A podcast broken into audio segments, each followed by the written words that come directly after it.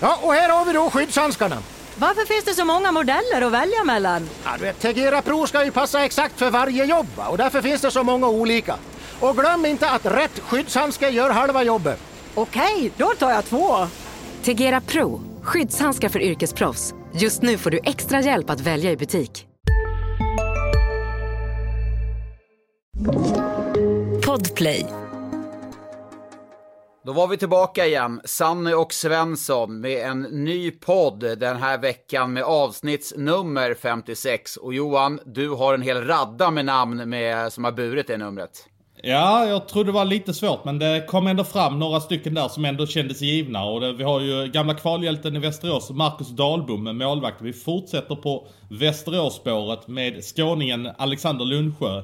Fortsätter med skåning där, Anton Olsson, den talangfulla 03 i Malmö och även den tredje länken i den superkedjan med eh, Johan Sjödell Wiklander, eh, Henrik Lövdahl och Conny Strömberg. Det var Sjödell Wiklander som hade 56an i den kedjan. Vet du vad hans moderklubb är, Sjödell Wiklander? Det är väl Huddinge va? En annan som också hade en mode, moderklubb Huddinge, det är Robin Norell, nummer 56 i Djur, Djurgården. Jonathan Sigalet, nej han är inte från Huddinge i alla fall, det kan vi slå fast. Erik Gustavsson, i, numera i Philadelphia Flyers. Och Fredrik Forsberg. 16 mål har han gjort med en väldigt begränsad roll i HV71. Det är imponerande.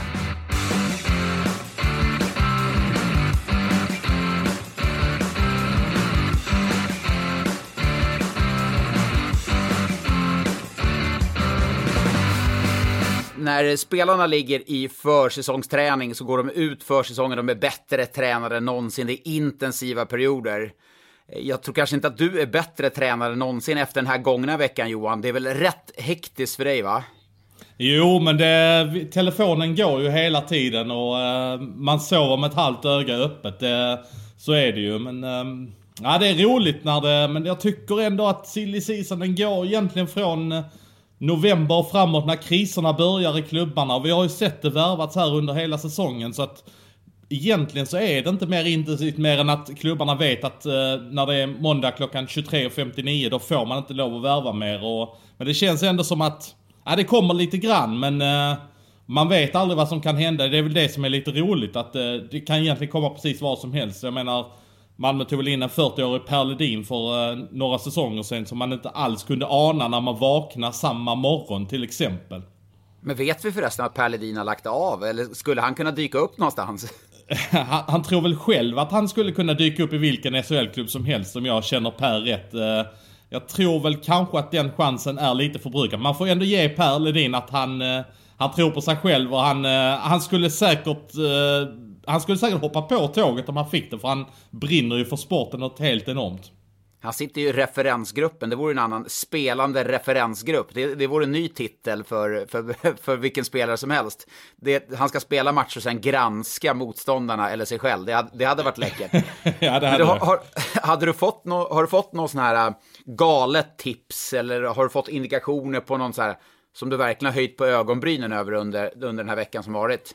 Ja men alltså jag höjde ändå lite grann på ögonbrynen när vi hade den här nyheten med Ted Brithén i fredags. Då tänkte jag bara, ja men nu är det bara någon som, eh, som eh, tänker att han ska komma tillbaka. Men sen började jag kolla upp det och så lyckades vi få ut nyheten här först och så presenterades han på ett fem och ett halvt års kontrakt här eh, i lördags eh, från Rögles sida. Det var ju, slog ner som en superbomb och Per Lindholm är också en sån spelare som man har fått väldigt mycket indikationer. De här hemvändarna är ju alltid svåra för det, det, känns ju ofta som att det är fansen som sitter och hoppas lite grann på att eh, det ska komma hem spelare och så finns det kanske inte någon riktig sanning. Men det har ju ändå känts väldigt äkta kring det här med Lindholm även om man liksom inte har fått några svar. Han har suttit på ett kontrakt i Boston då men det, han är ute på waivers när vi spelar in detta och det, det kommer ju bli klart under måndagen här om eh, jag får indikationerna rätt. Men har du fått något tips, alltså någon spelare för nästa år eller är det bara här och nu som, som, som man, man pratar om? Nej men det dyker väl in lite tips. Alltså en spännande sak som jag hörde ganska sent här eh, nu när vi spelar in är ju att eh, Carl Gunnarsson är på G hem till Örebro till exempel. Att eh, han är 34 år nu. Att, att de diskuterar kanske att ta en eh, tvåårslösning här som en avslutning på hans karriär. Och han vill slå sig till ro socialt i Örebro. Och det vore väl spännande om han kom hem till Örebro i det här läget. Ja, det var faktiskt en fråga jag fick från Fredrik no eh, Norberg. Han var lite orolig just för Örebro eftersom man har tappat Bromé, Hosang försvann och Salo försvinner nästa år. Men då skulle ju Gunnarsson kunna vara en trygg lösning för dem under då ett par år. Ja men precis, och eh, nu, de tappar Christer Olsson, backtränare som har gjort ett jättejobb. Det kunde vi avslöja under söndagen att han kommer flytta som assisterande tränare i Bern nere i Schweiz. Så det får man ju förstå Christer att får han ett sånt erbjudande så blir det ju väldigt svårt att tacka nej till det. Man ska verkligen sträcka någonstans på sig. Det är svenska tränare är högaktade, alltså de är så väldigt respekterade nere i Schweiz. Ser man bara i Zug så är Dan Tangnes, visserligen norsk, men vi kan väl räkna honom som svensk efter alla år här. Eh, du har Rickard Grönborg i Zürich. Du har Johan Lundeskog från och med nästa år i Bern. Det betyder att de tre största klubbarna i Schweiz har svenska tränare. Det är, ja, det är faktiskt, man måste nästan sträcka på sig lite. Det är, eh, det är starkt. Och vi producerar bra spelare också, ledare. Men när vi ändå är inne på Örebro och just backsidan där så eh, skedde ju faktiskt en intressant sak som gäller då inför nästa säsong. Eller det gäller ju redan nu för eh, New York Islanders har ju signat finländaren Robin Salo som har gjort en supersäsong i Örebro och är välförtjänt av det här NHL-kontraktet. Då gjorde man ju så här att man bröt avtalet med Örebro, sen skrev han ett NHL-kontrakt och så lånas han direkt ut till Örebro. Kan du som sitter på lite uppgifter kring vad, vad, innebär det här? För det är inte så vanligt att det förekommer att man bryter ett avtal mitt under säsong för att skriva ett NHL-kontrakt och sen lånas tillbaka. Vad är så speciellt med det här? Nej, man kan väl säga att Robin Salo i det här fallet är den stora vinnaren. För att han Ekonomiskt så får han eh, detsamma. Han, eh, även om eh, Örebro kanske inte betalar riktigt lönen utan det är väl en habrovink att det är Islander som lånar ut. Exakt hur de kronorna och örena, det, det har jag inte full koll på. Men för spelarens räkning, i det här fallet Robin Salo, så är det som så att han stökar alltså av ett år på sitt kontrakt. Vilket betyder att han kan redan börja förhandla om ett nytt kontrakt nu till sommaren inför kommande säsonger. Så att han kan signa ett eh, one way, alltså en envägskontrakt här efter nästa säsong. Hade han signat efter den här säsongen så hade han behövt spela två år där borta för att då kunna skriva ett envägskontrakt. Så i det fallet så var det ju väldigt konstruktivt löst, eh, måste jag säga. Jag såg inte den komma. Jag vet att det har funnits intresse kring honom, men jag tog för givet att det var först till sommaren som man skulle krita på det kontraktet. Ja, och Örebro de får ju trots allt behålla spelaren säsongen ut. Det blir ingen förlust för dem, utan det blir snarare en vinst eftersom Islanders säkert drar på sig lite kostnader och Örebro kommer lite billigare undan. Det är väl i alla fall det jag har fått till mig. Men de verkar ju ha, samarbete har man ju inte med en NHL-klubb såklart, men det finns ju ändå en relation där. Man lånar ju ändå in Josh Ho-Sang som visserligen fick sparken, eh, eller sparken, han fick lämna, de tyckte inte att han dög. Eh, men då har man ju ändå haft en relation mellan Islanders och Örebro, för där var det ju som så att man fick låna honom gratis. Man måste ju betala en summa, om det är någonting, 20 000 kronor i månaden för att få ett arbetstillstånd i Sverige, men det, det får man väl ändå beteckna som gratis. Nu lämnar jag Ho Sang för eh, Linköping och jag, jag är väl en av få som tycker att det känns väldigt intressant faktiskt. Jag, jag tycker inte Ho Sang var så dålig i, i eh, Örebro, utan det kändes mer som de var tvungna att göra någonting. Jag tycker inte att han hade sämre kroppsspråk än Borna Rendulic till exempel, så att Nej, jag var lite förvånad att man, man inte hade ett längre startsträcka tålamod med Hosang. Men det jag förundras över är ju vad hade de förväntat sig? Vad, vad fick han spela? Var det fem matcher och sen så ja. funkade det inte alls längre? Jag menar, det indikerar för mig att någonting måste ha hänt. För att, alltså jag menar, man måste ju ändå förvänta sig att det tar tid för en spelare som inte har spelat på hela säsongen. Men alltså alla vet ju som, som någonstans har en litet fingret i vatten i den här hockeydammen att Hosang är ju en liten bohem. Han är ju en speciell person. Han, han är inte den här normen för en hockeyspelare. Det vet ju alla. Då måste man kanske ha, se lite mellan fingrarna om man ska kunna ha den typen av spelare. Men Örebro tycker väl att de har ett tillräckligt, de har ju tillräckligt bra lag för att vara topp 6. Jag tror inte att man kommer kunna gå för ett guld eller kanske en semifinal. Men då anser man att att det kanske eh, behöver ge Bagenda den istiden som Hosang fick till exempel. Men jag tycker att det ska bli väldigt intressant att se han i Linköping för att tänk om han skulle hitta lite kemi med Brock Little till exempel. Tänk, tänk alltså, han är ju en offensiv spelare. De hittar den här kemin. Han gör 10 poäng på de avslutade 12 matcherna eller vad de har. Ja, och det skulle kunna vara precis det Linköping behöver. För att jag menar, det är ju framåt som Linköping behöver hjälp. Tittar man på Linköpings backsida så är den faktiskt riktigt bra. Sen man fick in Mattias Bäckman som jag tycker har gjort ett grymt avtryck för att ha varit i stort sett handikappad i två säsonger. Ja, men Linköping, ja, jag håller, håller med dig helt och hållet där. Han handikappad. Det var faktiskt en rätt bra beskrivning. Det känns ju som att, vad har han haft för skador? Det har liksom varit, det har varit ljumske, höft, man har liksom inte vetat någonting. Och det har varit väldigt tyst kring, kring Mattias Bäckman, vilket gör att när det är så pass tyst, då brukar man nästan ta för givet att, att han, ja men det, karriären är, är slut. Vilket hade varit tråkigt på en sån, sån talangfull och duktig spelare. Men han har kommit tillbaka starkt, dock tungt för Linköping nu med Marcus Ljung. Tänk om det nu skulle visa sig att säsongen är över efter den här axelskadan, eller förmodade axelskadan som han drog på sig i, under landslagssamlingen. Det är ju blytungt. Alltså, tänk dig Niklas Persson, han släpper honom. Ja, men skönt att få åka iväg och lite, lite självförtroende, komma hem lite bättre. Och så på en träning skadar sig. Ja, det är tuffa nyheter alltså. Ja, det är ju hela loket i hela Linköping. Frågan är vad som är tuffast. Eh, att spela utan Brock Little eller att spela utan Marcus Ljung? Jag hävdar ju trots allt att det är utan eh, Brock Little. För Brock Little kan ju... han gör sina mål på, inte på egen hand, men Marcus Ljung, han gör ju omgivningen bättre. De är olika spelartyper så, men jag anser att Brock Little är den viktigaste spelaren för Linköping. Men de två tillsammans, och kanske då med Hosang, det hade ju varit, ja, det hade varit en spännande kedja. Ja, verkligen, verkligen. Men det ska bli intressant att se Linköping här i omstarten. För om de har fått lite kraft i seglet efter att eh, till exempel ett lag som Malmö har vacklat här eh, mycket under... De har spelat matcher här under uppehållet, förlorat. Förlorat mot Brynäs innan uppehållet också. Oskarshamn har också börjat vackla. De ska ju möta Oskarshamn här i veckan. Så att eh, Linköping har nog fått lite luft under vingarna av att se hur det har gått för konkurrenterna också.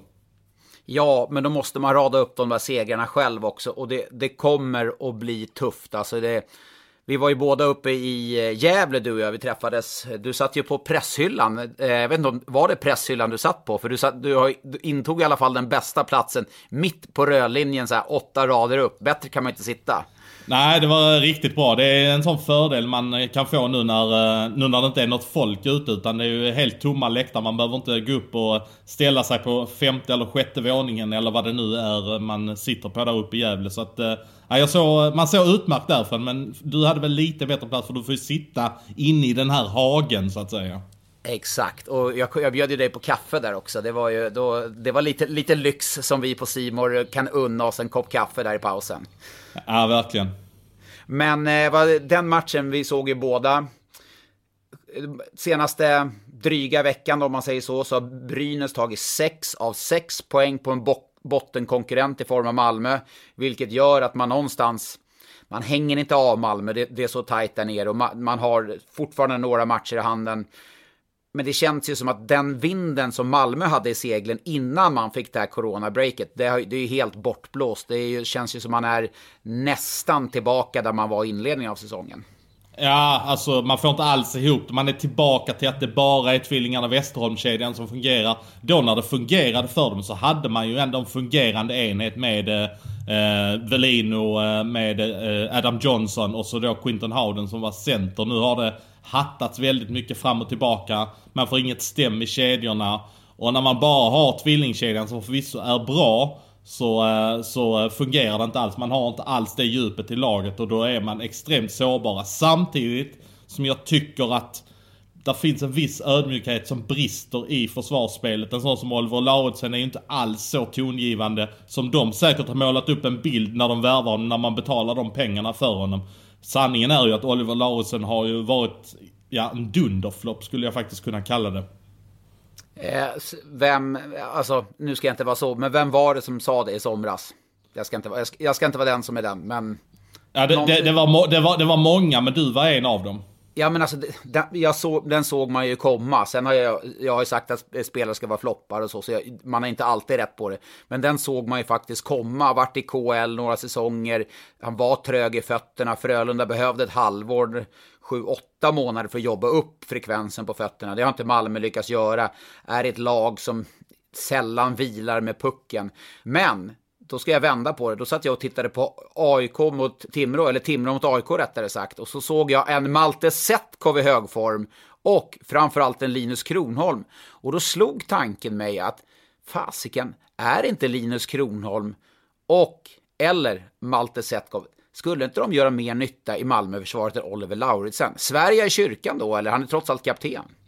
Nej, men alltså tittar man bara på hur det är rent spelmässigt och eh, hur man, alltså medan Lauritsen värvades för att de var i desperat behov av att hitta en ledare till laget för de visste att Händemark skulle åka. Så de hade ju egentligen ingen riktig ledare i laget. De ville väl kanske inte göra Kristoffer Forsberg som är en typisk fjärdekedjespelare till eh, kapten. Även om han spelar varje match och aldrig är skadad och så vidare. Visar vägen på träningen. Men man ville ha någon, kanske med mer pondus utåt sett. Alltså han ger ett väldigt starkt intryck i media och så vidare, Oliver Lauritsen. Och han är säkert duktig med de yngre spelarna i omklädningsrummet och så. Men rent hockeymässigt så eh, är jag helt säker på att både Kronholm och Seskov hade tillfört precis lika mycket. Och eh, jag tror Kronholm eh, definitivt, alltså Setkov blandar och ger lite väl mycket. Det är små marginaler där också. Men Kronholm hade ju absolut gjort ett minst lika stabilt intryck. Jag är faktiskt, måste säga att eh, Kronholm har SHL-potential. Han kommer att spela SHL nästa år. Eh, när jag såg han i AIK, eh, jag har sett ett par matcher nu, och jag, jag, tycker att det finns en rörlighet i hans spel, det finns en självklarhet. När han får mer istid, han har inte haft den rollen i Malmö, det är svårt att ta sig upp från egna leden och etablera sig, ta en plats. Man kanske behöver det här steget lite snett neråt för att ta ett steg framåt, men Kronholm skulle jag inte ha problem att få in på topp 6 med rätt utveckling, med rätt backtränare skulle inte jag ha något som helst problem att sätta Kronholm på topp 6 i rätt många SHL-lag. Ja, jag håller med att där finns ju, han är ju bara 0-0. Jag menar, den här självklarheten som du pratar om, den såg man direkt när han gjorde debut mitt i semifinalen mot Växjö 2018 blir det va? Eh, då, eh, det var en väldig pondus i spelet och eh, han, är, han är draftad av Buffalo av en anledning. De, de ser ju någonting i honom och han var jätteduktig när han kom tillbaka från en annan utlåning tidigare. Så att det är klart att det finns en klar uppsida på Kronholm. Men du, vi ska inte gegga ner oss för mycket i bottenstriden. Jag vill bara stanna upp lite vid Brynäs eftersom vi båda såg dem där i, i torsdags. Jakob Axelsson och Christian Lundgren på Twitter gjorde mig påmind eller uppmärksam på den här intervjun som vår eh, kollega Adam Johansson gjorde med eh, Brynäs ordförande Jürgen Lorenz. Läste du den? Ja, jag har läst den ja. Alltså den, den ger för mig ett sånt intryck av en förening som bara, det är så amatörmässigt. Bara när han uttalar sig kring huruvida Sundlöv ska vara kvar eller inte. Liksom, de har inte ens sonderat marknaden om det finns någon, eh, någon, vem skulle kunna vara om det inte är Sundlöv? Han pratar om att det är tajt spelschema och sådana saker herre, alltså han är ju liksom von oben, han har ju huvudansvaret i, över styrelsen. Det är deras, styrelsens jobb att kolla eh, efter en potentiell annan sportchef.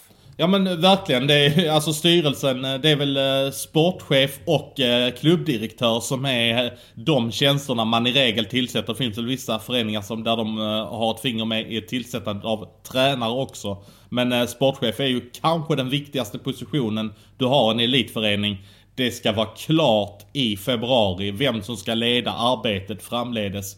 Vem som ska sätta truppen för kommande säsong. Det måste man ha klart. Antingen går vi vidare med Sundlöv eller så hittar vi någon annan. Och då ska ju helst den personen i stort sett vara på plats redan nu. Ja, och det, det, är väl skitsak samma hur många matcher de har under en kort period. Det, det, det spelar inte styrelsen någon roll hur, för deras rekrytering av en ny sportchef. Jag bara, när jag läste den där kände jag bara så här, gud, det här kändes jävligt oproffsigt. Det kändes nästan som att, nej, men alltså han, han måste ju förstå då den här Jürgen Lorenz, när han, när han pratar med media, i det här fallet Adam, då pratar ju han till fansen. Och om jag hade varit Brynäs-fans och läst det där, jag hade bara känt, vad händer med min förening? Alltså, vad är det för nivå? Är, är det där som, som, som spiller neråt på Campes och Sundlöv också, då, då är man ju jäkligt illa ute. Ja, det vet vi att Brynäs är visserligen, men då är man ordentligt illa ute. Ja men det är klart att det spiller ner, alltså jag menar han är chef över Campese och Sundlöv. Så det är klart att den typen av attityd och hur man framstår, det är klart att det spiller ner eh, till eh, klubbdirektören och sportchefen. Det är givet. Nej, men vi ska, inte, vi ska inte fastna för mycket i bottenstriden, för det, man, man, har en tendens att göra det. Den är ju väldigt intressant med tanke på att man vet vad som ligger i potten. Att ett lag kommer garanterat åka ur i år, därför blir den extra intressant. Men vi kastar oss tillbaka där vi någonstans inledde med den här värvningscirkusen. Transferfönstret stänger, när ni lyssnar på det här måndag, då stänger det vid midnatt. Så att eh, klubbarna har ju lite tid kvar och värva på. Men Rögle slog ju till där som du och Adam avslöjade i fredags att de värvar Ted Brithén och jag gick igång på alla cylindrar för att det finns få spelare som jag gillar så mycket i spelet, i det mogna spelet som Ted Brithén. Alla beslut han gör, det känns, de känns rätt. Förstår du? Han, när han tar, åker på isen, hittar eh, spelare, täcker upp för när Bristedt eller Sar eller Everberg går fram. Han gör spelare bättre, så att det här är ju en... Det är klass rakt upp och ner, vilken förstärkning. Du, när vi träffades, eh, vad var det, på torsdagskvällen var det vi träffades och då sa du till mig och så eh, flinade du lite. Nej jag vet inte fan om inte Rögle landar en riktigt bra center till slut. Hade du i tankarna att de skulle kunna landa Ted Brithén då överhuvudtaget? Nej, det, fann, det, fanns inte på världskartan. Eh, men när, när det dök upp där, när du och Adam hade avslöjat, när jag läste Expressen, så fan, det var väl självklart. Det är inte så att jag hade glömt bort Ted Brithén, men jag tänkte någonstans att han är, är i Bern, han kommer vara där minst ett år, kanske till nästa år, men inte här och nu. Det trodde jag faktiskt inte. Ja, det, det, som blir intressant nu är ju hur eh, Rögle ska göra. Jag menar Simon Ryfors har ju växt ut till en gjuten första center under den här säsongen. Nu kommer Ted Brithén som är den tidigare första centern tillbaka. Och jag menar, Ted Brithén står ju ändå trots allt högre i kurs i Ängelholm. Man kanske är något stukad, jag ska inte säga att han är det, jag har ingen aning. Men kanske något stukad efter säsongen i Schweiz. Det har varit, eh, jag tror han har varit inne i karantän tre gånger, sån här 10 dagars karantän. Exakt. Nej, och det, eh, knappt kunna vara ute någonting, haft familjen. Jag har bott ett år i Schweiz och det är ett drömland. Man får en ledig dag eller två, man kan se sig om, man kan göra, man kan vara mycket med familjen och hitta på saker som man aldrig gör hemma i Sverige till exempel. Se, man kan åka ner till den franska delen, den italienska delen, du kan åka och kolla på fotboll till exempel. Det finns ju jättemycket saker som är helt underbara. Han har inte kunnat göra någon av de här sakerna, så den här extra lilla kryddan som han åker till Schweiz för, bortsett från pengarna, det har ju han inte alls fått någon glädje av. Men om man nu ska iklä sig eh, Cam Abbotts kläder och man ska ta ut de som ska spela. För jag menar Ted Brithén han kommer för att han ska spela på två kedjor. Det är helt givet. Man, vi kan ju konstatera att Ryfors och Ted Brithén det är ju första och andra centern. Sen i vilken ordning där, det kan ju egentligen kvitta. Sen är ju frågan, ska man då sära på Dennis Everberg och Daniel Saar och Ryfors för att kanske någonstans återgå till Daniel Saar, eh, Ted Brithén och Leon Bristedt? Eller ska man försöka hitta en enhet till exempel där eh, Ted Brithén spelar med Leon Bristedt och så slänger man in kanske Adam Tambellini eller Olli Pallola där? Du har ju rätt angenäma problem. Eh, man ska veta, alltså Ryfors, Sar, eh, Everberg, den kedjan är ju jag skulle vilja säga att den är bäst i serien. Eh, den har nog varit genomgående bäst. Kanske till och med bättre då än Rivik, Camper och Cehlárik. De har dalat lite på slutet. Eh, Rivik har varit borta också lite så. så att, eh, men sett över hela säsongen så har de nog varit bäst och jämnast. Eh, likväl så vet jag att Ted Brithén, Daniel Sar och Leon Bristedt, deras underliggande statistik när de spelade tillsammans, alltså det var helt galna siffror. Helt galna siffror. Dennis Everberg bär en kedja mer än vad till exempel Leon Bristedt gör. Eh, därför skulle jag kunna sätta eh, Ryfors, Everberg och Tambellini alternativt, ja men Tambellini sätter jag där. För att jag tror att de skulle kunna hitta bra kemi också. Då får du första kedjan där, när du får igång Bristet, du får liksom en kickstart på honom efter hans tuffa säsong. Ja, och sen tittar man längre ner i laget. Jag menar, jag skulle nästan hävda att man kan sätta uh, Joe LaLegga som kan användas som både back och forward. Man skulle nästan kunna sätta honom som back och kanske köra typ Erik Andersson, Anton Bengtsson, Olli Palula. Kanske blir lite för trubbigt för eh, Palula, men jag tycker Anton Bengtsson har gjort det för jäkla bra. Ja, men Sjögren, Kan, Sjögren kan väl gå med uh, Ferguson och Taylor Matson till exempel. Ja, men Taylor Mattsson, Adam Edström och Ferguson, de skulle jag inte splitta på. För att man, jag, man, mot, faktiskt mot Malmö så märkte man när Adam Edström var borta. Hans tyngd och, och liksom, han, kunde, han kan bana vägen. Det, det, är en, det är en del av Rögles spel som är väldigt viktig. Han kommer inte göra de avgörande målen, Adam Edström. Han är, han, jag tycker att han är jäkligt viktig, så han vill jag ha inne på fyra kedjor. Så då ska vi alltså sätta typ ut Anton Bengtsson på en kant då och så eh, köra in Sjögren där, eller vad tänker du? Ja, Sjö, Sjögren, vi säger att eh, Tambellini går då i andra kedjan. Eh, och så har du Sjögren, eh, Palola och, och eh, Anton, Anton Bengtsson. Ja, och så har du Ferguson, Adam Edström och eh, eh, Taylor Mattsson. Taylor Mattsson som jag tycker, tycker är en väldigt bra spelare i det här... Eh, ja, men den rollen han har, kanske en av de bästa fjärdekedjaspelarna om man får säga det. Så att, Eh, Doyle Ledja, då kanske han blir trettonde forward då, Erik Andersson ytterligare fjortonde. Då har du ju ändå fått en fått ett djup i laget också. Du behöver ett slutspel. Det, det såg du ju. Det vet ju Chris Abbott till exempel när han var i HV71. Han satt ju på testcykeln där var bänkad i början tillsammans med Kristoffer Törngren. När Chris Abbott då blev skadad så var det Törngren som kom in och kvitterade i match 7 mot Brynäs. Så han vet ju vikten av ett djup i laget. Ja, men om man då kan tänka sig att Lalega istället spelar back så skulle man kunna köra backpar som är till exempel eh, Eric Jelena, Moritz Seider, eh, Lalega, Niklas Hansson. Sen har du Erlen Lesund och eh, Lukas Ekestål. Och så Samuel Jonsson som en sjundeback. Med tanke på hur bra Samuel Jonsson ändå har varit den här säsongen. Att ha lyxen att ha honom som sjua. Det visar ju ändå en hel del. Ja, jo det gör det ju. Nu, nu, tror jag visserligen att Samuel Jonsson och Niklas Hansson, de, de har ju bott tillsammans ett he, hela året, alltså som backpar. Så det, det, tror jag inte man rubbar. Då tror jag man kanske eh, sätter LaLeggia som sjua, för att Rögle har ju den, eh, den kompetensen får jag säga att spela på sex backar. Man förstår vikten av att spela på sex backar och inte hatta runt på sju eller gud förbjud åtta backar. Så då blir bara LaLeggia den hjälpgumma han är som eh, får antingen vara en sjundeback eller en extra forward helt enkelt som läget ser ut idag. Ja, det blir ju perfekt. Och då, men jag menar, du behöver inte titta långt tillbaka i backspegeln för att se hur mycket skador som Rögle har haft. Så det är klart att eh, han kommer att få istid antingen som back eller forward. Det, det, det känner jag ingen oro för så. Eh, så det, det, det är ett bra jäkla lag de sätter ihop där. Och nu, nej, nu får man gå för det. Det, det är inget att snacka om. Ja, men det är inget snack om att de, eh, de ska gå för det. De har varit ett av seriens bästa lag och nu får man in eh, Ted eh, som... Det gör inte bara det utan man kan ju liksom rubba på LaLeggia och honom kan man använda som back och forward. Så man får ju både bredd och djup och allting i ett bara genom att sätta in ett sånt namn.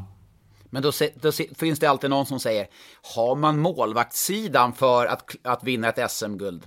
Kristoffer Rifalk, landslagsdebut i söndags. Vad gjorde han? Jo, han höll nollan mot Finland. Det är en rätt bra det är en rätt bra start på internationella karriären. Det är klart att han håller. Sen har du Johan Gustafsson som har en förmåga att alltid leverera när det gäller som mest.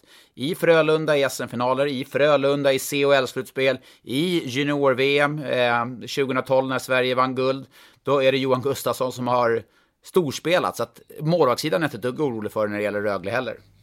Men en annan hemvändare som vi också måste prata om är ju ändå Per Lindholm som kommer in till ett Skellefteå-lag som har successivt blivit bättre under säsongen. Och vi vet alla vad Per Lindholm kan göra. Det är en OS-center 2018 vi pratar. Som kommer hem. Nu har han varit i NHL, han har varit bofast i NHL de senaste säsongerna. Vi vet vad han kan göra. Vad gör han med det här Skellefteå-laget? Ja, alltså det är ju väldigt roligt när det kommer in de här typerna av spelarna. Och man kanske inte hade förväntat sig att det skulle göra det den här säsongen med, med den här rådande pandemin och allt eh, omkring som vi har pratat så oändligt mycket om. Men att Per Lindholm kommer in som center. Eh, han är ju en annan typ av center än vad Ted Brithén, mer full, banar mer väg eh, för sina kedjekamrater. Tänk dig då sätter ihop eh, honom, Per Lindholm, med Möller och Lindström. Då har du första kedjan från OS 2018. Jag skulle hävda att Lindström inte är mycket sämre än vad 2018. Han har, och inte Oskar Möller heller nu, som han har spelat på slutet. Så då har du ju liksom en... Du har ju den toppkedja, en SHL-toppkedja, topp tre-kedja har du där. Och där andra kedjan så har du Wingeli, Frödén, Berggren. Alltså du, det är två... Alltså, du, du skrattar lite lätt. Det, och då har du målvaktssida med eh, Söderblom och Gustav Lindvall. Du har en backsida som är minst lika bra som vilket topplags backsida som helst. Så jag menar Skellefteå, de måste lägga in dem i leken nu för guld. Det är ett som är säkert. Ja, alltså de har ju haft med i leken länge men eh, nu, alltså verkligen som en av eh, de som verkligen kan göra det. Vi kan väl nästan säga att det är Rögle, Växjö, Skellefteå som, som har det så att säga. Ja, du får ju en sån eh, nyttig pjäs slutspelspelare som Melker Karlsson ändå är eh, med många år nu i, NHL. Han då kommer vara en tredje kedja. Han kommer såklart spela powerplay, men det är ändå, där får du också ett djup i laget. Du kan sätta ner Thomas Kiskinen nu, kanske en fjärde kedja med mer kanske defensiva ansvar. Där han, han är en smart spelare som kanske inte alltid syns. Han är inte den offensiva spelaren han en gång var, men gör ett bra jobb i fjärde, eller i tredje, det kommer Kiskinen kunna göra. Ja, eh, under tiden som det värvas spelare nu för att stärka trupperna inför slutskedet. Vi är specialister på det vi gör, precis som du. Därför försäkrar vi på Swedea bara småföretag, som ditt. För oss är små företag alltid större än stora och vår företagsförsäkring anpassar sig helt efter firmans förutsättningar. Gå in på swedea.se företag och jämför själv. Hej, Synoptik här. Visste du att solens UV-strålar kan vara skadliga och åldra dina ögon i förtid? Kom in till oss så hjälper vi dig att hitta rätt solglasögon som skyddar dina ögon. Välkommen till Synoptik. Så händer det ju ändå grejer inför nästa säsong också och att eh, det, det ligger också på det. Jag kanske inte i Brynäs då som inte vet vem det är som ska göra det men på andra ställen så, så händer det saker. Jag menar Leksand ser över sin trupp och jag hör ju ganska intressanta saker om en sån som Carter Camper. Som man kanske har varit rädd för att han ska lämna. Men vad jag får signaler på nu så har han bestämt sig för att han ska stanna i Leksand. Och då har man gjort en ganska intressant deal för att komma fram till det här. Han hade ju kontrakt, han skrev ett tvåårskontrakt med en out då efter denna säsongen. Men då ska Carter Camper alltså ha skrivit om det avtalet. Han har brutit det befintliga avtalet och skrivit ett nytt tvåårskontrakt. Där han inte har en klausul efter år ett utan efter, eh, eller efter år ett. Så han har ingen klausul nu så att säga. Så han har ju bestämt sig då för att han ska stanna kvar i Leksand. Och det har ju naturligtvis Leksand säkert fått matcha upp lite grann mot de buden han har haft utomlands. Men det är ju en drömnyhet för Leksand att den första eh, pusselbiten i den där superkedjan har eh, satts på plats. Oj, det, det, är, det är ju riktigt vast. Jag vet, eller jag har hört rykten om att det har funnits rätt starka klubbar i KL som har visat intresse för honom. Det är inte konstigt med tanke på så dominant som han har varit. Men då menar du då att han, han kommer garanterat att vara kvar här säsongen 21-22 och eh, han har kontrakt säsongen 22-23 också med Leksand. Ja men precis. Det är de indikationer jag har att man ska vara överens om en sån deal. Att man har hittat en sån lösning istället med eh, Camper. Och eh, med tanke på det avtrycket han har gjort här bara efter en säsong. Eh, så är det ett superbesked. Det pratades lite om den nya Ryan Lash och jag menar han har ju verkligen levererat. Så är det, och det, det är det här jag tycker också. Det här tv-avtalet har ju varit eh, omdiskuterat eh, och debatterat många gånger om. Men det är just den här typen av spelare du ska lägga pengarna på. De toppspelarna, toppspelarna ska ha jävligt bra betalt helt enkelt. Du ska kunna matcha ja, inte fullt ut, du får ju matcha andra saker, eh, sociala gentemot Ryssland, hur du kanske eh, triv, eh, trivsel med familj och sådana saker.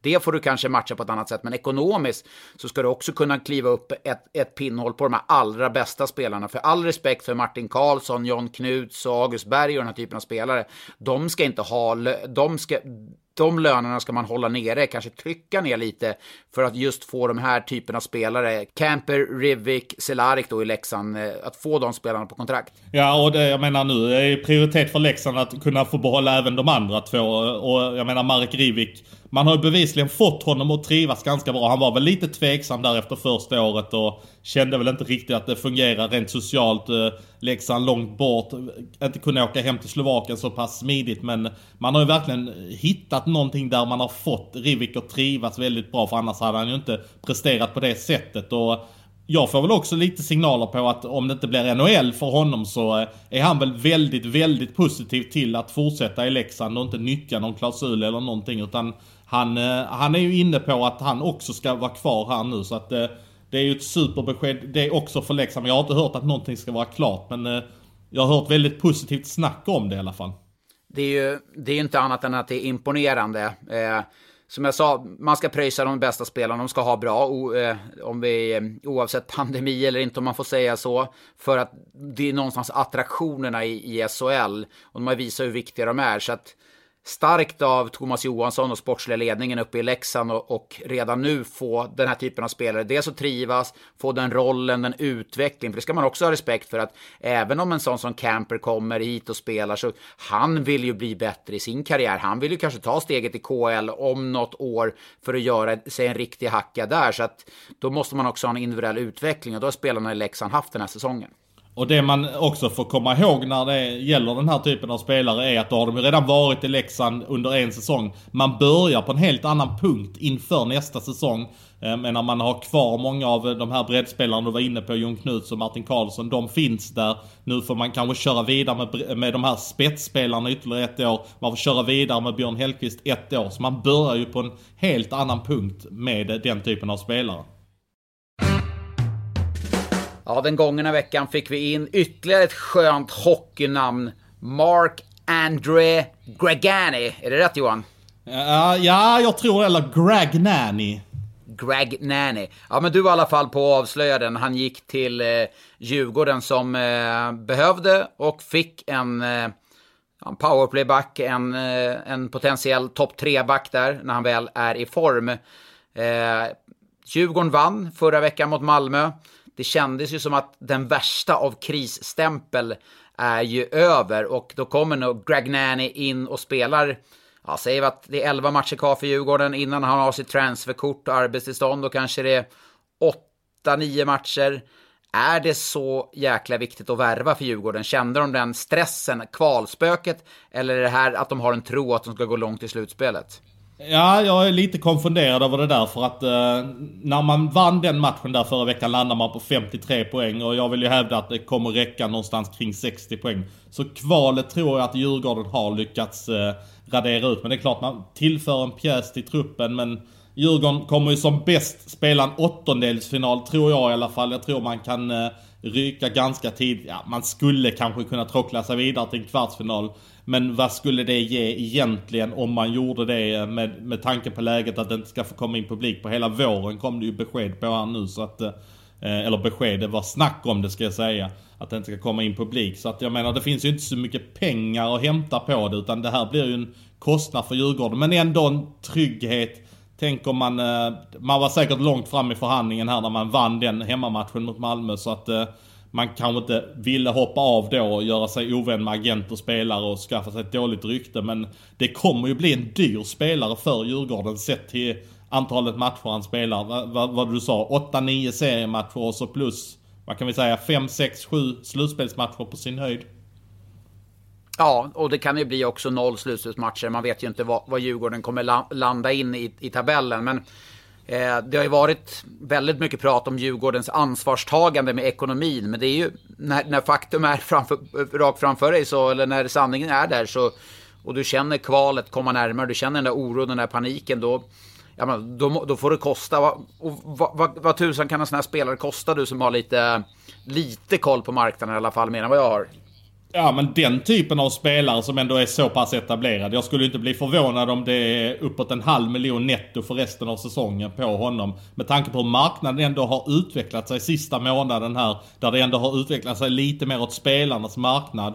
Så, eh, så blir jag inte förvånad om, det, om Djurgården får slanta upp en halv miljon netto på honom och så ska man lägga till då ytterligare sociala kostnader och så vidare. Så att eh, då är vi uppe på en 6, 7, 800 000 kanske om jag räknar lite snabbt nu bara. Så 100, 100 flaggor per match då kostnad, det är, det, det, är en rätt bra kostnad. Men samtidigt, det kostar mer att åka ut. Vi har pratat om det massa gånger och kände man, jag dömer dem inte, men kände man den pressen, stressen, hotet, ja, jag kan förstå sig för att man agerar. Ja, ja, ja, ja, verkligen. Och alltså jag menar, det är bara någon skada bort. Man hade sju backar. Du är ju fan av att spela på sex backar, men hade man fått på en back där och så varit nere på sex och så inte tagit in Gragnani Ja, det hade väl kanske varit lite tveksamt att avsluta säsongen. Samtidigt så har man ju ändå eh, Hedström och Brännstam ute i allsvenska klubbar. Så man hade ju kunnat få in, som det så fint heter, kroppar i truppen. Eh, så att man hade ju kunnat avsluta säsongen. Jag tror inte att det var nödvändigt. Men kanske när man fick chansen att ta den. Man kanske har hittat någonting att känns det bra så kan man titta inför framtiden också. För man behöver ju över tiden ersätta till en sån som Bobby Nardella också. Så att det, det kan finnas en sån lösning i sikte också för Jocke Eriksson.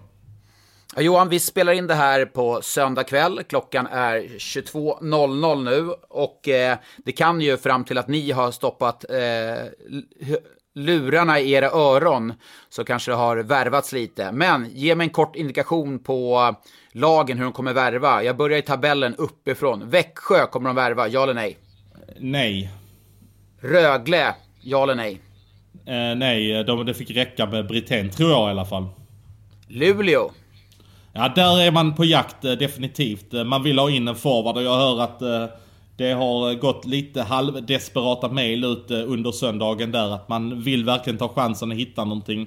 Man har fått lite erbjudanden från bottenlagen i finska ligan men de har lärt sig ta betalt när de vet att svenska klubbar är desperata så det är inte alls säkert att det blir någonting men ja, jag tror Luleå hinner landa någonting innan 23.59. Skellefteå, bortsett från Per Lindholm.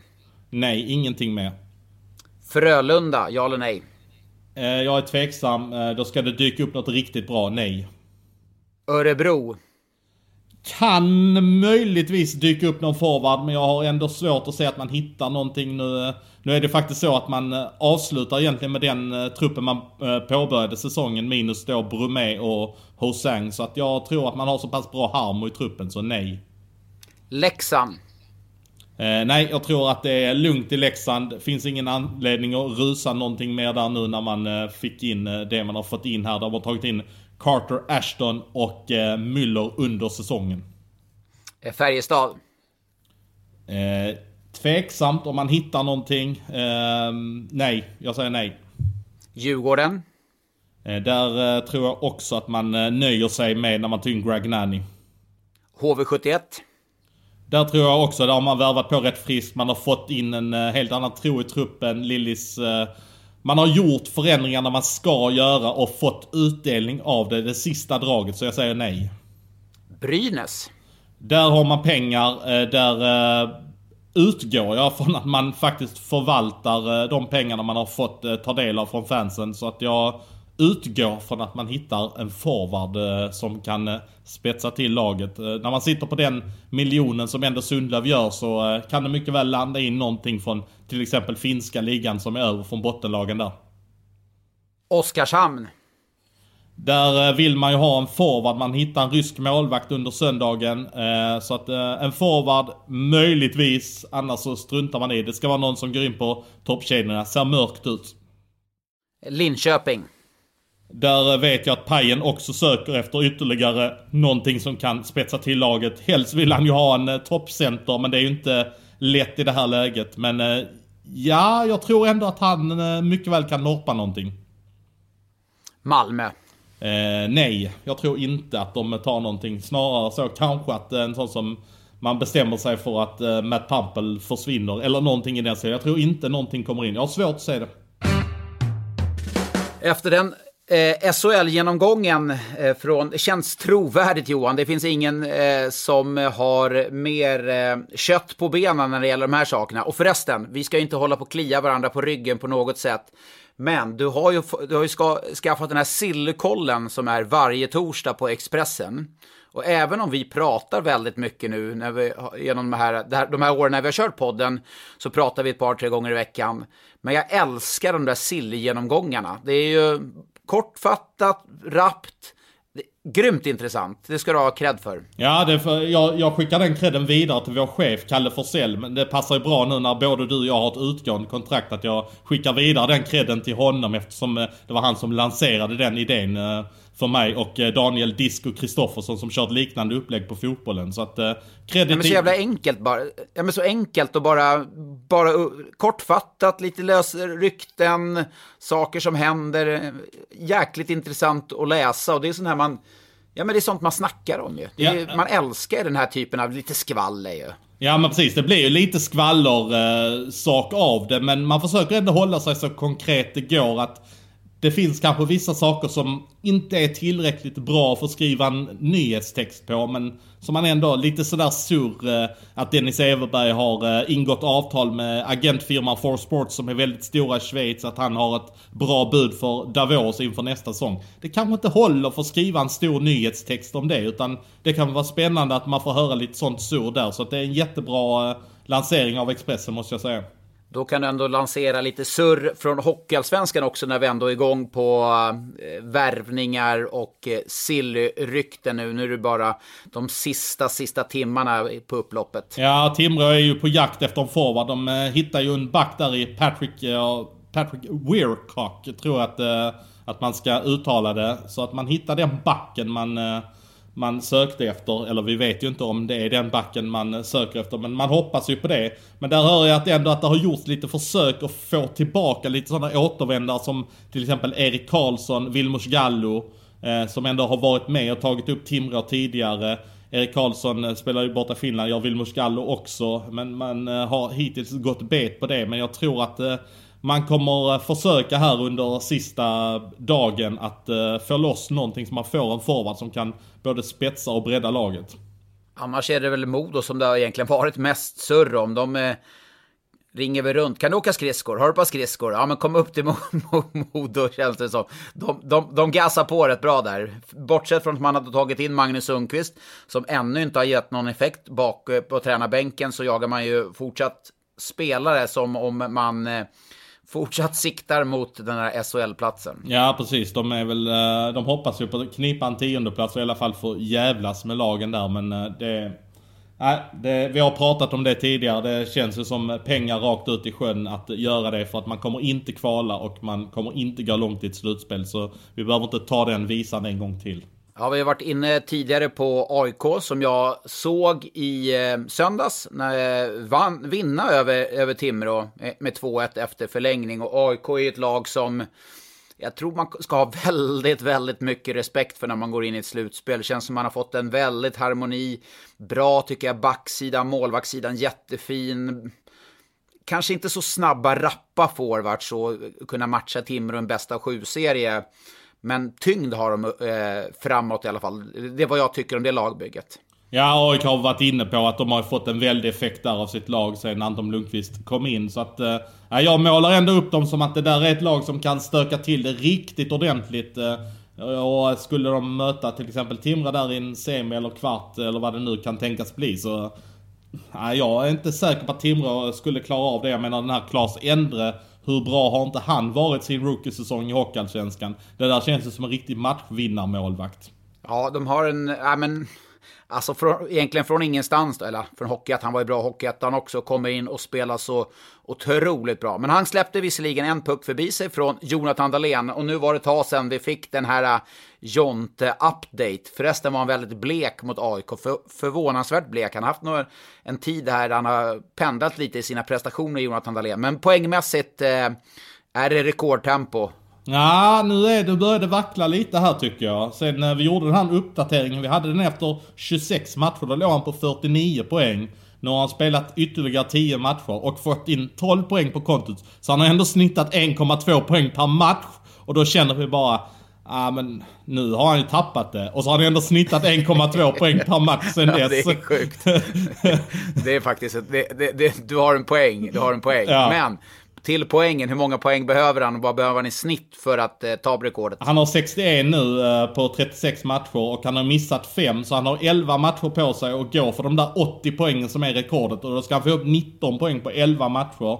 Uh, jag tycker att... Det är tufft. Det, det, det är tufft. Det är jättetufft. Det, är jättetufft. Han behöver snitta 1,72 poäng per match och hans snitt just nu är 1,69 totalt sett. Uh, så att uh, han måste, han måste hitta några matcher som han gör en eh, 2-3 poäng så att han eh, liksom får upp eh, ångan och kan gå för det. Men jag tror att känner han så här med en fem matcher kvar att han har en 8-9 poäng att gå för, då tror jag att det kan bli full gas från honom va? Jag, jag är tveksam på, på om man kommer ta det här rekordet. Jag har stått hela säsongen och känt att det, det, det där kommer man pulverisera, men 19 poäng på 11 matcher, det är, det, det, det, är inte, det, det är tufft alltså. Det är jäkligt tufft. Ja det är det ju. Med tanke på hur det har sett ut. Man har tänkt att när de mött Väsby och mött Kristianstad så här, att nu har han chansen att göra en tre poäng här. Men äh, han har chansen men det blir tufft som du säger med tanke på hur det har sett ut här. Nej, jag tycker vi tar och leder oss in på frågorna som har kommit in som har byggt en stor del av detta vi redan har pratat om. Men det kommer ju ytterligare frågor så vi, vi tar en direkt här från eh, Fredrik Forsman som jag ändå tycker är intressant. Var spelar man meningslösa landslagsturneringar under en coronasäsong med pressat schema eh, där det är en pandemi som är långt ifrån över? Kan ej fatta. Det måste handla om pengar. Ja, det, det gör det väl till viss del. Eh, sen är det också allt sätts ju på sin spets när spelare som Marcus Ljung blir skadad. Det är klart att eh, många undrar varför man ska skicka spelet till landslaget överhuvudtaget. Det har ju grund och botten med att göra med det här eh, tv-avtalen och andra eh, avtal som SHL då kan skriva centralt istället för att Svenska ishockeyförbundet gör det. Så man äger sin egen rättighet, vilket man upplåter sina spelare till landslaget. Jag tycker, eh, även om jag inte tycker att det är jättekul att se på landskamperna, jag här i söndags så var det Sverige mot Finland, men jag sappade mer över faktiskt till Timrå mot AIK. Det kanske säger en del. Eh, men som spelare är det väldigt nyttigt att spela de här turneringarna, för det blir en annan typ av hockey. Du får möta internationellt motstånd, så att det är en bra utbildning. Och ska vi fortsätta utbilda duktiga hockeyspelare så måste man få spela i Tre Kronor och få en resa mot ett VM och vidare i NHL eller här hemma i SHL. Så att de är inte meningslösa på så sätt för, för spelarna. Det är rätt viktigt för att, att, att vara med och få känna på den internationella nivån. Du, jag tar en fråga till som jag har fått i mailkorgen från Andreas Nelsa Nilsson, eh, Färjestads klackledare. Hur tänker vissa sportchefer, läs Linköping och Djurgården, när de värvar bekräftat otränade spelare? Är det desperation eller är det ett genidrag för kommande säsonger? Det är ju desperation, rakt upp och ner. Det är ju ingenting annat. Vi har varit inne på det här med, med till exempel Ryan Stoa. Jätteförvånad att Djurgården plockade honom också. När man visste bakgrunden tidigare hur det hade varit med hans sommarträning och sådana saker. Så att det är klart att Djurgården hade möjlighet att plocka Stoa i tidigare skede. Men valde att inte göra det för man visste om hans fysiska status. Nu väljer man att plocka in honom. Kanske lite bättre tränad visserligen när han kom. Men det är klart att det bara handlar om ren och skär desperation. Eh, och man chansar för att eh, hoppas att, man kan, att laget blir förstärkt. Vet du vad jag kände nu? Nu har jag varit på en kvällstidning i nio år. Och när du säger desperation rakt upp och ner, då satte du rubriken på det här avsnittet. Och är det så? Du, du, är duktig på rubriker, vet du. Du är duktig på rubriker. Ja, man har ju blivit lite färgad där alltså. Men jag bara kände att desperation rakt upp och ner. Det där är ju en rubrik som kan dra. Ja, men då kör vi på det. Desperation rakt upp och ner. Härligt. Eh, vi har fått en fråga från Kim Duva. Varför fungerar inte spelet för Malmö? Borde man skicka Fagervall? Bör Malmö satsa på ny sportchef? Känslan att få av värvningarna som gjorts har lyckats? Ja men jättebra fråga där. Eh, jag menar Sylvegård har suttit som sportchef i många år och gjort jättemycket bra för klubben. Men det är trots allt ett faktum där det har varit ganska svag träffprocent de senaste säsongerna får man ändå säga.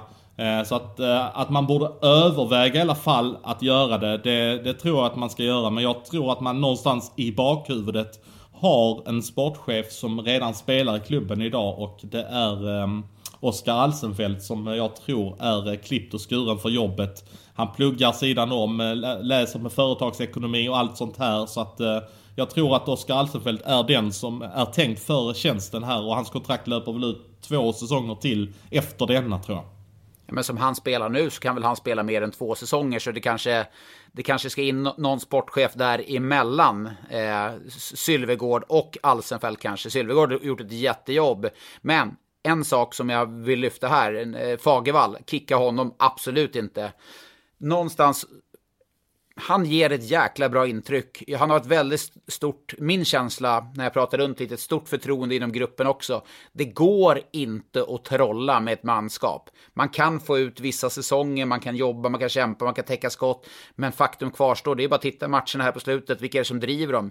Det är bröderna Westerholm, det är Emil Sylvegård. Det är för få spelare och då kan man inte lägga den pressen på Kristoffer Forsberg, Johan Olofsson till exempel, utan de ska vara de bästa tänkbara fjärdekedjespelarna, vilket de gör sitt jobb med bravur. Men däremellan måste du ha mer spets och det har inte Malmö.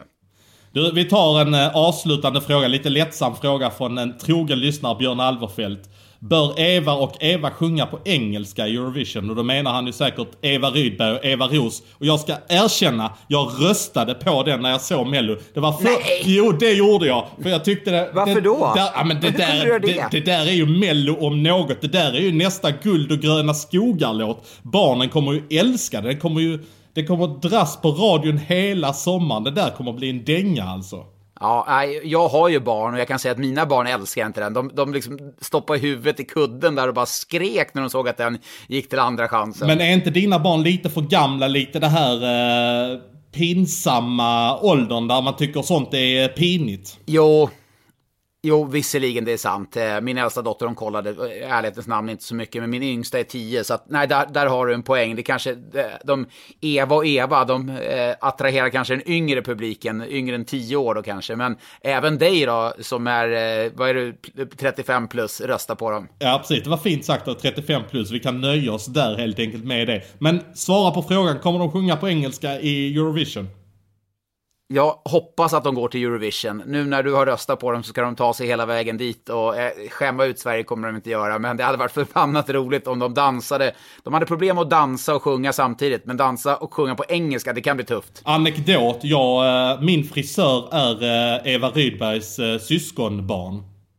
Alltså, det är därför du röstar på den. När du ska gå och klippa den nästa gång så ska du, då, liksom, då vet du att då kommer du inte komma därifrån helt snaggad. Nej precis, alltså man kan kanske få någon liten rabatt om man säger du jag röstade på Eva förra gången i Eurovision. Det är, det är snåla jäkel.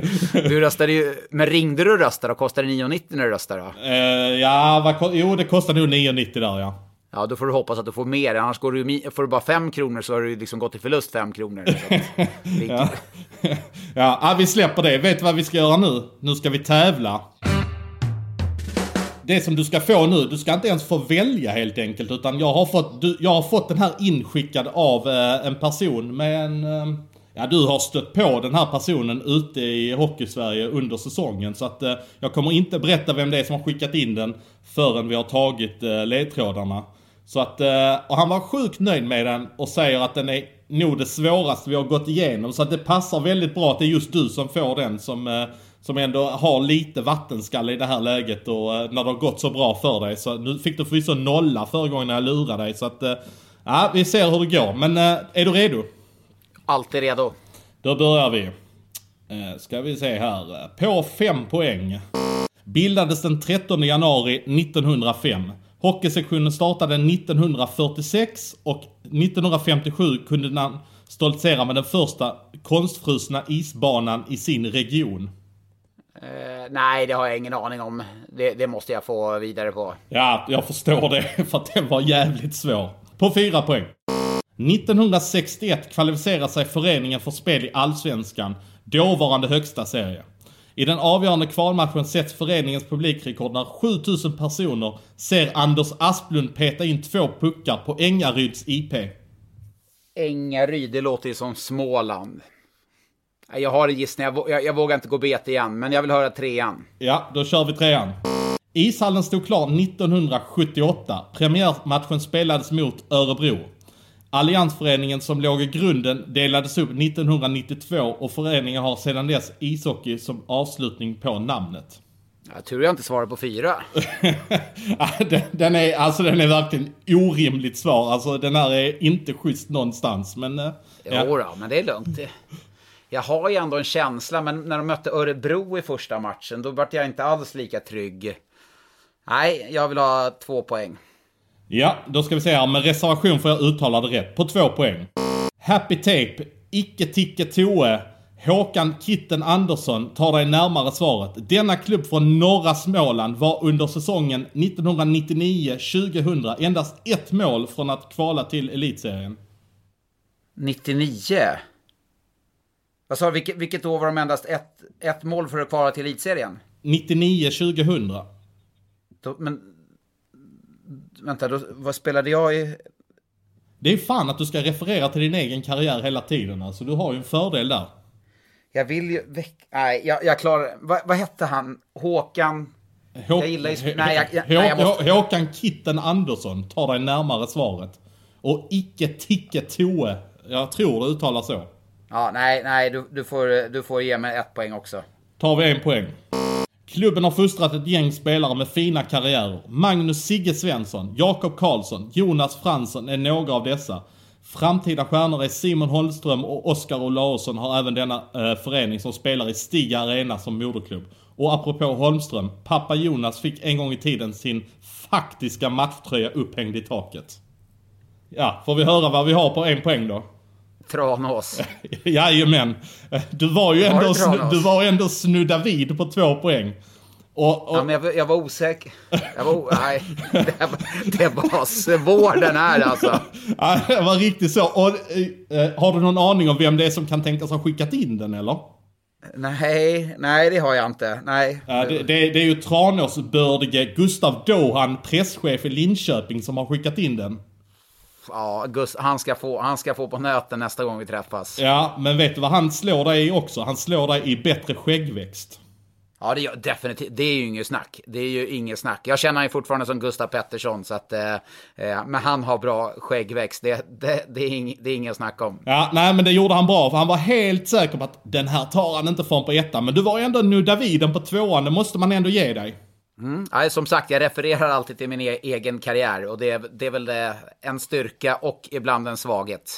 Ja, men den där enpoängaren eh, tar vi och eh, avslutar veckans podd och så ser ni till att hålla koll på Expressens sportsida under hela måndagen. Så ser vi om vi kan få ut någon rolig sportnyhet från sista dagen på fönstret innan det stänger för säsongen. På återseende.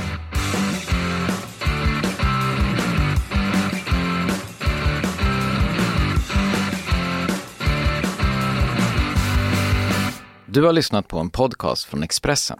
Ansvarig utgivare är Klas Granström. Just nu pågår vår stora season sale med fantastiska priser på möbler och inredning. Passa på att fynda till hemmets alla rum, inne som ute, senast den 6 maj. Gör dig redo för sommar. Välkommen till Mio. På Sveriges största jackpot-kasino går hypermiljonen på högvarv. Från Malmö i söder till Kiruna i norr har hypermiljonen genererat över 130 miljoner exklusivt till våra spelare. Välkommen in till Sveriges största jackpot-kasino, hyper.com. 18 plus, regler och villkor gäller.